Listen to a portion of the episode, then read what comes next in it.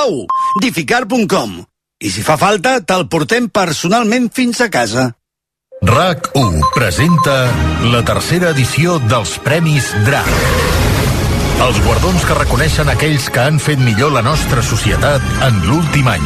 Es premiaran iniciatives, idees, projectes i persones en diferents categories, com... Trajectòria, revelació de l'any, veu de l'any... I l'audiència decidirà qui s'endú el premi en la categoria Tots som u. Els candidats són... Julieta, Àngel Llàcer, Anna Schlegel, el Festival de Cinema de Sitges, Antonio Díaz, El Mago Pop i Laura Pedro. Entreu a rac www.cat. Voteu i optareu a guanyar una tauleta electrònica. Torna al DRAC. La tercera edició dels premis creats per RAC1. Tots som u.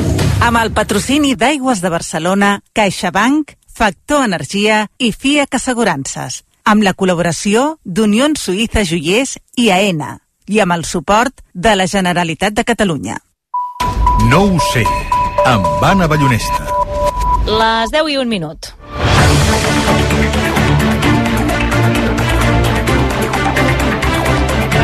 L'actualitat amb el Pep Tormos. Pep, bona nit. Bona nit. Qui és el més destacat a aquesta hora? Que creix la pressió sobre José Luis Ábalos perquè deixi l'escó al Congrés. L'exministre socialista ja no forma part del PSOE al Congrés i ha passat eh, al grup mix després del cas Coldo i la presumpta corrupció sobre les mascaretes. Tota la direcció del PSOE li exigeix la dimissió. L'últim, l'expresident de la Generalitat Valenciana, Ximo Puig, que ha estat molt contundent sobre la situació d'Ábalos en una entrevista aquí al nou c de rac En Espanya i en general hi ha una qüestió que tenen que veure la responsabilitats jurídiques, que són els tribunals que tenen que validar-les, i altres que són les polítiques. Jo, jo el crec però hi ha una responsabilitat política. Escolta, que això vaicina. Crec que és ben clar.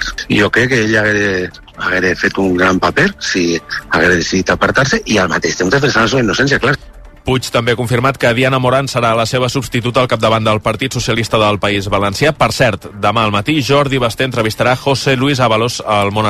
Doncs això serà demà. D'altra banda, també hem parlat dels pressupostos. Els comuns que volen un compromís del govern de renúncia al Hard Rock per donar suport als comptes. Després que avui Esquerra i el PSC hagin arribat a un acord, ara encara falta el suport d'un tercer actor per tirar endavant els comptes i totes les mirades se centren en els comuns que tenen vuit diputats i són claus per aprovar-los. Reus. Els de Jessica Albiach, però, marquen la negativa al Hard Rock com a línia vermella. El portaveu del Parlament, David Cid, ha demanat a Pere Aragonès que faci marxa enrere. Són declaracions aquí al nou c de rac Hi ha d'haver el compromís clar que el, que el pla director urbanístic no tirarà endavant, hi ha d'haver-hi la voluntat, i jo també diria l'ambició d'Esquerra Republicana de definir un model de país i fins i tot no, d'atrevir-se a dir que no al senyor Illa. I si Esquerra Republicana ha decidit fer de comparsa al Partit Socialista i ja serem nosaltres i seran els comuns qui li dirà al senyor Illa que evidentment que el Hard Rock no té cap tipus de sentit el govern aprovarà demà al matí els comptes per aquest 2024. Ho farà després d'aquest acord eh, que han arribat avui al PSC. A dos quarts de deu compareixerà el president Pere Aragonès per explicar les xifres generals dels comptes i després la consellera d'Economia, Natàlia Mas, els durà al Parlament on explicarà la lletra petita. D'altra banda, els pagesos han decidit mantenir les protestes als punts fronterers del país on hi faran nit. Són bloquejos que han organitzat la plataforma Revolta Pagesa tant cap a França, la P7, concretament a Puntós, a l'Alt Empordà, i també han decidit fer acampada les diverses vies que connecten Lleida i l'Aragó. Allà els dos talls més importants són a l'autovia A2 i a l'autopista AP2 a l'altura de Soses. La reunió que hi havia en marxa entre els líders del sector dels pagesos i la Conselleria d'Acció Climàtica que ha acabat fa pocs minuts. De moment no tenim detalls. En canvi, els pagesos del Camp de Tarragona i del Baix Penedès han decidit fa una estona desconvocar aquesta protesta. Ja han marxat de la plaça Imperial Tàrraco durant tot el dia. Sí que han tallat el trànsit en aquest punt cèntric de Tarragona. Anem cap allà, Adrià de les Heres, bona nit. Bona nit. El trànsit ja circula amb normalitat per la plaça Imperial Tàrraco. Els portaveus de la revolta pagesa a Tarragona han aixecat la convocatòria perquè diuen estar satisfets amb com ha anat la reunió a Barcelona, però els organitzadors ja tenen entre cella i cella més protestes i han convocat una assemblea aquest dijous en què els agricultors decidiran quins són els següents passos que han de fer. La manifestació ha plegat unes 150 persones i una cinquantena de tractors, però el sindicat agrari majoritari a les comarques tarragonines, Unió de Pagesos, no hi ha participat.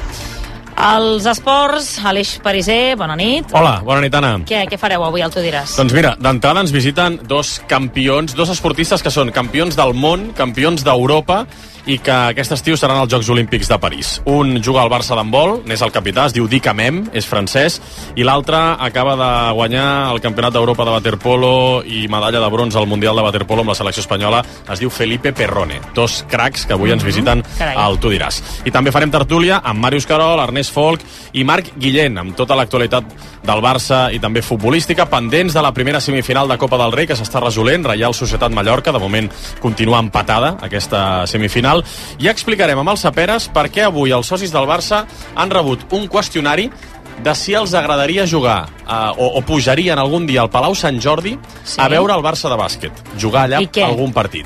Explicarem el Ah. per què d'aquest qüestionari del Barça el tu diràs a partir de quarts d'onze, perquè m'ha estat preguntant per què avui el club ha fet aquest qüestionari a alguns D'on socis surt, eh, d'on surt aquest dubte, per no? què volen preguntar si pujarien al Sant Jordi a veure el Barça de bàsquet en alguns partits? Doncs Mm. Explicarem el per què avui el tu diràs. Gràcies, Aleix. Us escoltem a partir de dos quarts d'onze, com sempre. Que vagi bé. Fins ara. Vinga, fins ara. I el temps amb l'Abel Caral. Abel, bona nit. Bona nit. Demà menys pluges. Menys precipitacions. No sí, és que avui eh, n'haguem tingut moltes, però... Bé, uh, sí, no ha sigut com ahir. És a dir, escolta'm, vull dir que no han tingut aquells 70 litres que vam tenir en sectors de l'Empordà, però hi ha algunes àrees del Pirineu... Estic pessimista, jo, disculpa.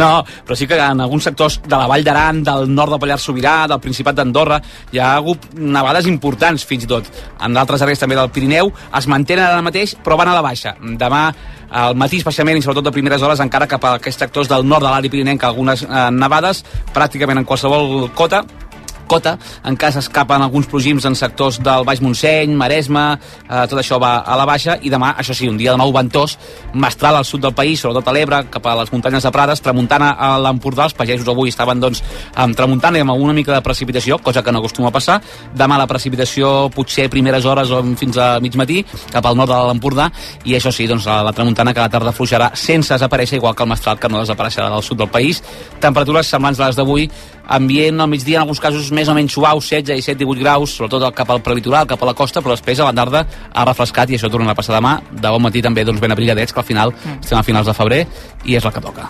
Gràcies, Abel. Fins demà, que vagi a bé. A disposar, que vagi bé.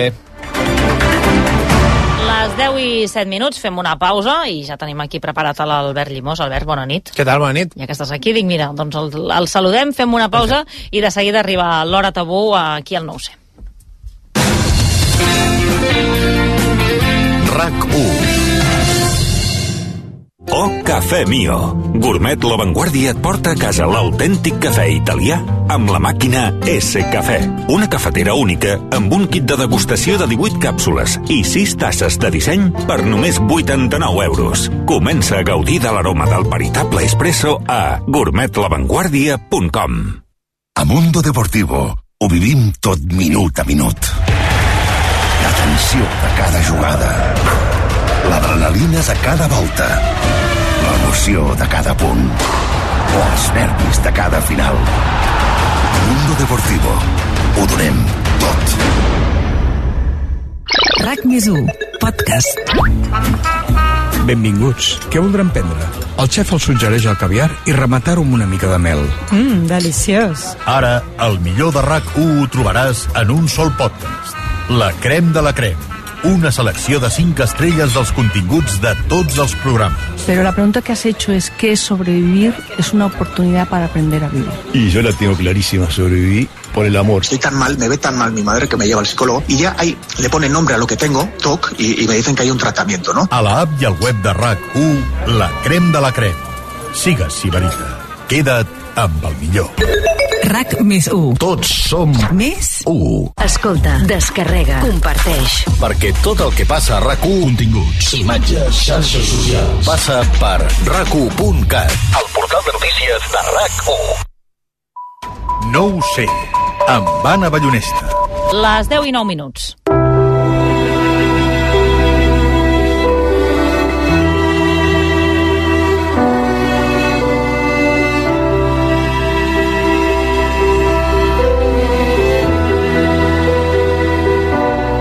Tabú.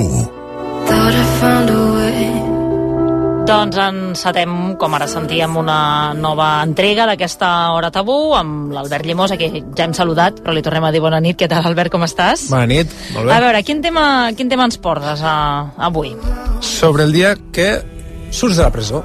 Ostres, la reinserció, vols dir? Sí. Com es fa aquesta reinserció, que en teoria és un dels objectius no, també de, del sistema penitenciari que, que tenim aquí a casa nostra, però que no hi pensem moltes vegades en aquest després, no? És un tema del qual en tenim poc referents també, no? Hi ha molta cultura, moltes cançons, moltes pel·lícules sobre com és la vida a l'interior de les presons, sobre la injustícia a vegades d'acabar dins d'una sala, sobre la duresa dels centres penitenciaris, òbviament, però molt pocs referents, jo no n'he trobat masses, i mira ja que estan buscant. interessa, eh? no? Un cop a fora és com eh. poc, una vida... Uh, tenim una imatge com de poc interessant, no? Sí, tot es centra en el durant, no? però el després, uh, després de complir la condemna i recuperar la vida, doncs pràcticament no tenim referents, però és una realitat, sens dubte, que afecta a no poca gent. Ara mateix hi ha més de 8.000 persones en diferents règims dins del sistema penitenciari català són 8.000 històries, en definitiva, 8.000 persones que algun dia sortiran al carrer, per tant se'ls ha de donar resposta no? i s'ha de fer bé aquesta reinserció.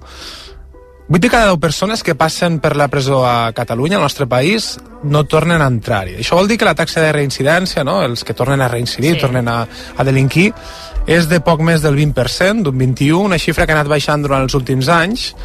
Uh, fa una dècada, per exemple, el 2014, eren 7 de cada 10, i l'any 92 la taxa de reincidència era de pràcticament un 38%, per tant, les dades... No, no, està bé més posar-hi dades en, en aquest sentit, Albert, perquè tu saps que moltes vegades es fa molta demagògia, sobretot amb, amb dades de, de reincidència, de delictes, del ah, temps que es passa a la presó, per tant, és important posar-hi posar, -hi, xifres. Xifres i explicar bé les xifres no? I, el, i el per què d'aquestes xifres. Però tot i aquestes dades, no vol dir que la reinserció a la societat en tot cas sigui fàcil per a un pres, per a una persona que ha estat entre, entre reixes. La majoria de persones que surten d'un centre penitenciari, que han hagut de passar una temporada entre reixes, tenen dificultats. Això no es pot amagar a l'hora de recuperar certa normalitat a la seva vida, sobretot perquè encara hi ha molt estigma. Solo mi familia, que sabe que estaba en prisión. Mucho estima, como un prisionero es convicto, gente se ve con otra manera, mucha gente no lo acepta no, no, tener confianza. No puedes, no puedo incorporar a la sociedad porque por mi documentación, eh, muchas dificultades. Todo el mundo, cualquier persona que sepa que estava en prisión me ve con otra manera. Me sale mal sempre. Escoltàvem el testimoni d'un pres que en aquest cas porta, porta poc temps, menys un any a la presó, i té clar que la seva estada entre reixes marcarà el seu futur perquè no podrà amagar-ho, no? Ho deia, documentació sí, sempre hi és. anava dient el tema aquest de, de l'estigma, no? De si ho saben, clar, evidentment no, no em tractaran de la mateixa manera. No tindràs les mateixes oportunitats, és un concepte que va molt lligat al que parlem avui, això de l'estigma, això porta que molts presos, conscients de la mirada que té la gent en definitiva cap a, cap a ells, eviten dir-ho i intenten sobretot mantenir un secret. Només ho saben els dos companys que ho saben i no ho sap ningú més. Ah, no, i la família. Mira, perquè te miren com a com un delinqüent per dir alguna cosa. La família i Clar, dos amics, sí. molt cercle reduït. En aquest cas és un altre testimoni que porta ja més temps, 29 mesos a la presó, no han volgut donar la seva identitat no? per, perquè no es conegui no? que, que són convictes i està ja a la fase final de la seva condemna. Per tant, pot gaudir de mesures que li permeten passar un temps fora del centre penitenciari i començar a restablir el contacte amb la societat que l'ha de tornar a acollir. Els dos testimonis, com, com escoltàvem ara, tenen claríssim que com menys en sàpiga el seu passat molt millor, tot i que evidentment saben que és molt difícil amagar-ho. De fet, m'agradaria que la gent ara, els que ens estan escoltant a casa, um, faci l'exercici de plantejar-se què faria si fossin ells els encarregats de decidir a qui donen un lloc de treball i si un dels dos candidats o dels candidats a aquesta oferta de feina ha passat per la presó una llarga temporada. Clar, com a mínim les... et preguntaries per què no? Sí. Molta gent diria, però què, què vas fer, no? Exactament, perquè també hi ha, a vegades hi ha delictes i delictes, no? Ets molt generosa, eh? perquè no sé si tothom no, els oferiria les mateixes oportunitats i només es deixaria o es quedaria en aquest per què, no? perquè encara pesa molt no? a l'hora de donar feina, però hi ha molts altres exemples sobre bueno, eh, uh mhm. -huh. el que es pot pensar un no? que li pot passar pel cap quan té davant un, un exconvicte. Clar, i avui que parlem de, del després, no? d'aquesta reinserció, el tema de la feina és un dels punts clau per poder-se reinserir després de passar una temporada entre reixes. Absolutament, és un dels punts claus, hi ha molts factors. Escoltem, per exemple, el que diu el Sergi Fortià, responsable de la cooperativa Suara, una entitat social que gestiona les unitats dependents que permeten, podríem dir, el compliment d'un tercer grau en l'entorn comunitari, és a dir, quan els presos poden sortir del centre de manera progressiva i, per exemple, només han d'anar a passar la nit, a dormir a, a la presó.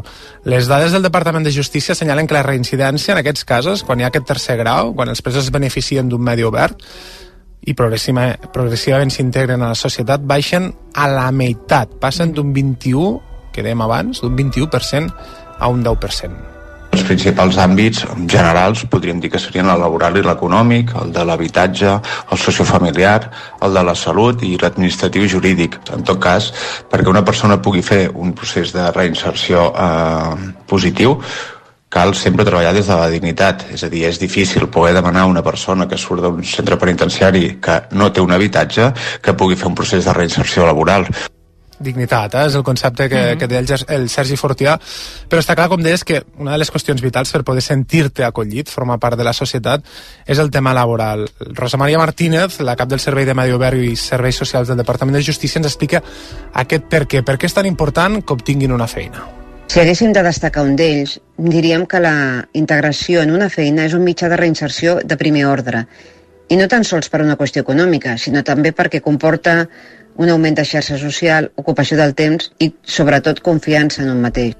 Clar, no és només els, els diners, el fet de tenir una feina i, i per dir-ho així, sentir-se realitzat, sinó que és eh, el que implica la feina, no? Estar en contacte amb més gent, tenir a vegades eh, amics, poder guanyar confiança, són alguns elements no? que, que sense això és molt difícil formar part de la societat. I sense això és imprescindible, Anna, trencar aquests estigmes que encara es tenen amb els presos, amb la gent que ha, ha passat per un centre penitenciari, perquè les persones del voltant, al final, ja no dic amics, ja no dic família, que són les persones que probablement mai t'abandonaran, tot i que hi ha casos no? de gent que es queda en solitari quan, quan va a la presó no? pel, pel, de, pel delicte sí. que han comès, però parlo de la gent que t'envolta al final, amb la que convius al dia a dia, vegi que darrere aquella figura que potser ens mirem amb cert recel, com deia, no? pel seu passat, per, per aquest estigma, per tot allò que han fet i que els ha portat a estar entre, entre reixes, en, de, en definitiva hi ha una persona i crec que és important i l'entorn laboral és molt important en aquest sentit com deia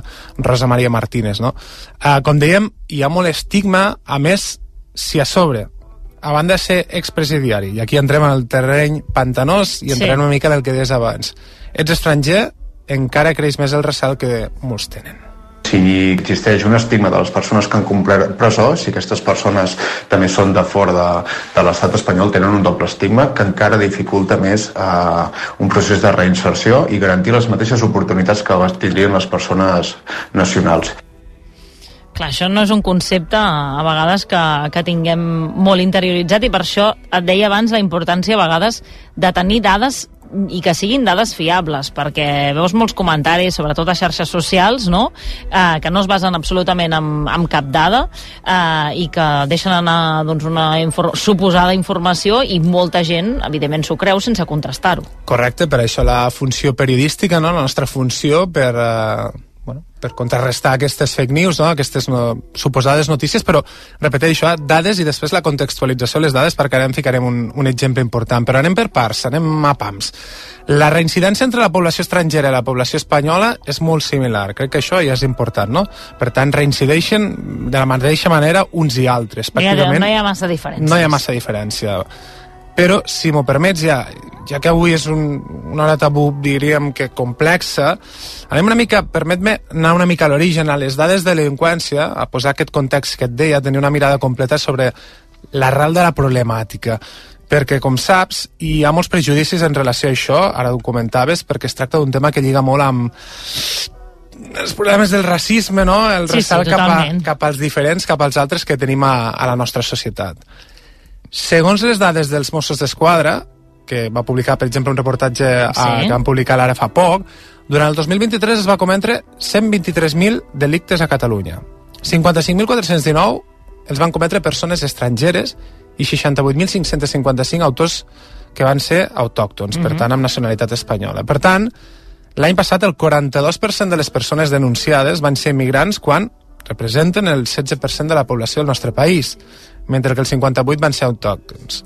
Si mirem aquestes dades sobre centres penitenciaris, per exemple, amb estadístiques de finals del 2023, hi ha 4.049 presos estrangers a les presons catalanes i 3.993 que tenen nacionalitat espanyola. Pràcticament Clar, els mateixos, igual. sí. Clar, les dades són perfectes per atiar el racisme si s'utilitzen malament, per inflamar els discursos de l'extrema dreta, però darrere aquestes xifres, per això et deia el per què, no? la importància del per què i buscar sempre una mirada més, més profunda, ha aspectes molt més complexos, raons sociològiques, culturals, econòmiques, etc. El 80% dels delictes a Catalunya van ser contra el patrimoni. Crec que Mhm. aquesta dada és molt important. 80, és a dir, eh? Estem sí, parlant? 4 de cada 5. Furs, estafes, robatoris... Un tipus de delicte que cometen en major proporció les persones estrangeres que, sobretot, entren a la presó per aquest tipus no, de, de delictes. I són els que tenen un major índex de reincidència. que és tota aquesta problemàtica que, que venim sentint des de, des de ja fa un temps i que se'n parla molt i de la qual eh, se'n fa molta demagògia. Sí, la de la multireincidència.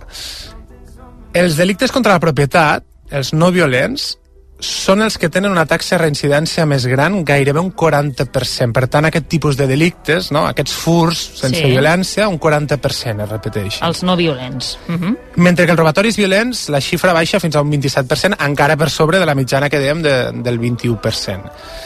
Jo crec que això ajuda a explicar la dada dels, 40, dels 4.049 presos estrangers que dèiem abans.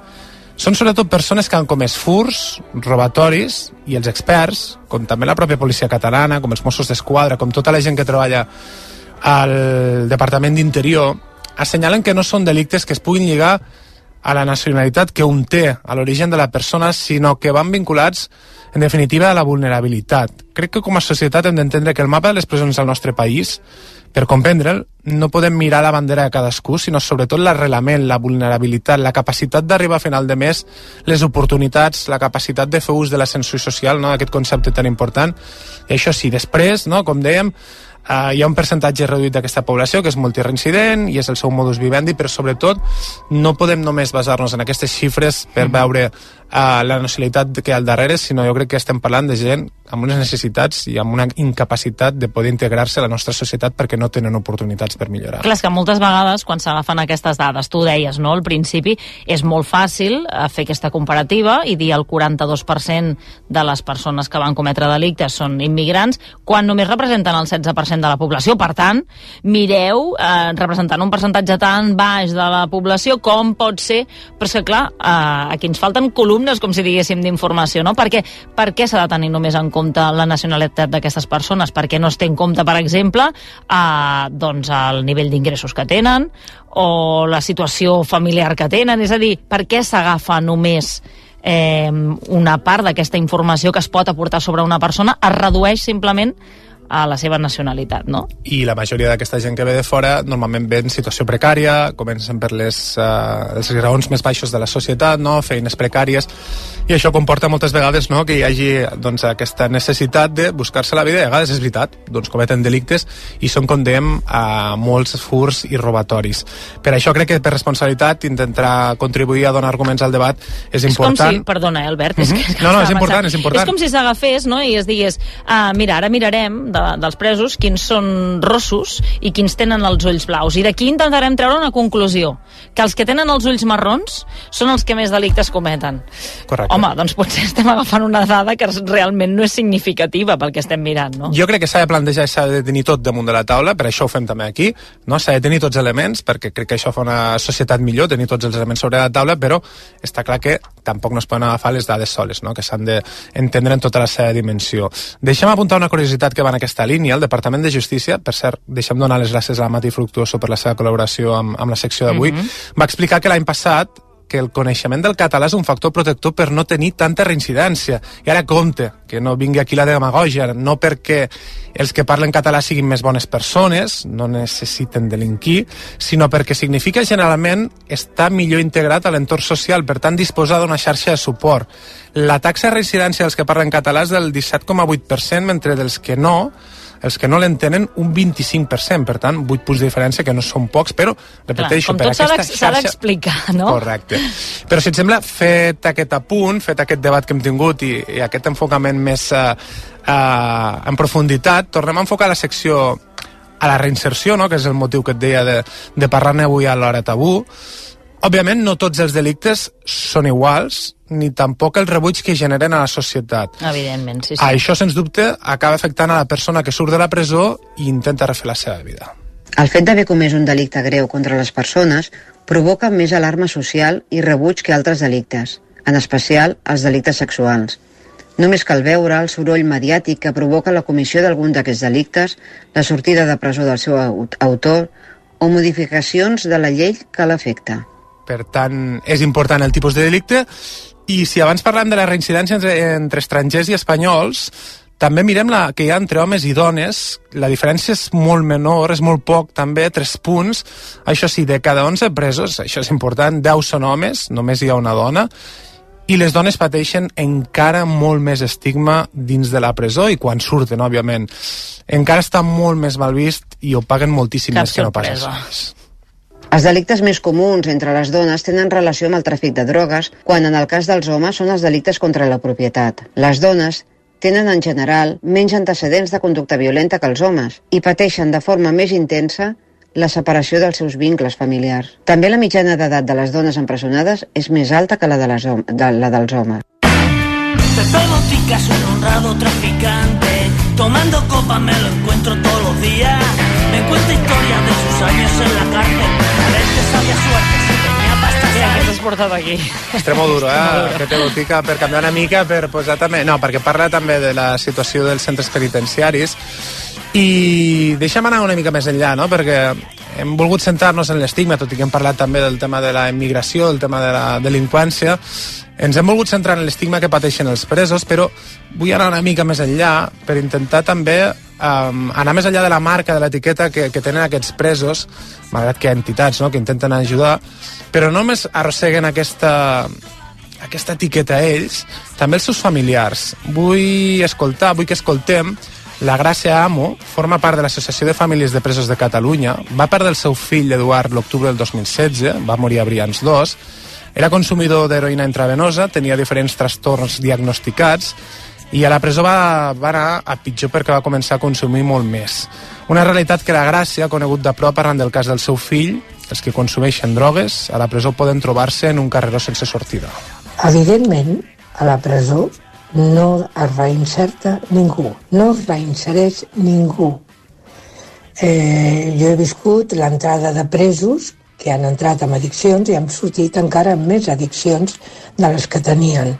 Potser entraven amb addicció a la cocaïna i sortien amb addicció a la cocaïna i, a més a més, a les benzodiazepines, als tansilium, als, al tanquimacin, o sigui que surten amb addiccions afegides de drogues legals.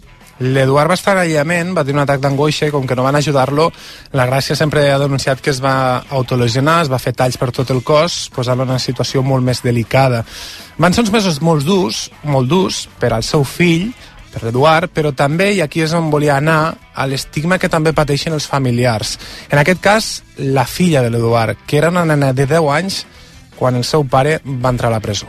Realment va ser molt complicat el fet que la meva neta, és a dir, la seva filla, que ara té 21 anys, entengués mm, per què el seu pare estava a la presó, primer, i segon, per què el seu pare havia mort a la presó. El primer que em va preguntar la meva neta quan li vaig dir que el papa era a la presó era que si el papa era dolent, perquè així estem educats. Papa era dolent, eh? sí. La Gràcia s'ha volcat amb l'ajuda dels presos i la seva visió no és molt optimista. Ha conegut la cara més fosca d'aquest món, segurament el pitjor que et pots trobar a la vida, que és la pèrdua d'un fill. I per això, perquè va topar amb les drogues, que li van arrabassar la vida de l'Eduard, crec que quan surts de la presó el camí no serà gens fàcil. Complicat, la reinserció, molt complicada. Jo recullo els presos a la porta, ara des de l'agost estic fent això en el nostre grup. Surten amb la roba feta pols, pelpella, bruta, sense diners, sense, sense feina, moltes vegades sense família perquè no en tenen, perquè són de fora o perquè les famílies estan derrotades i sense res. Però deixa'm acabar amb un missatge del Sergi Fortià, una mica més optimista que la Gràcia. Va, sí. Crec que recull una mica la gènesi del problema i que posa el focus en el centre del debat.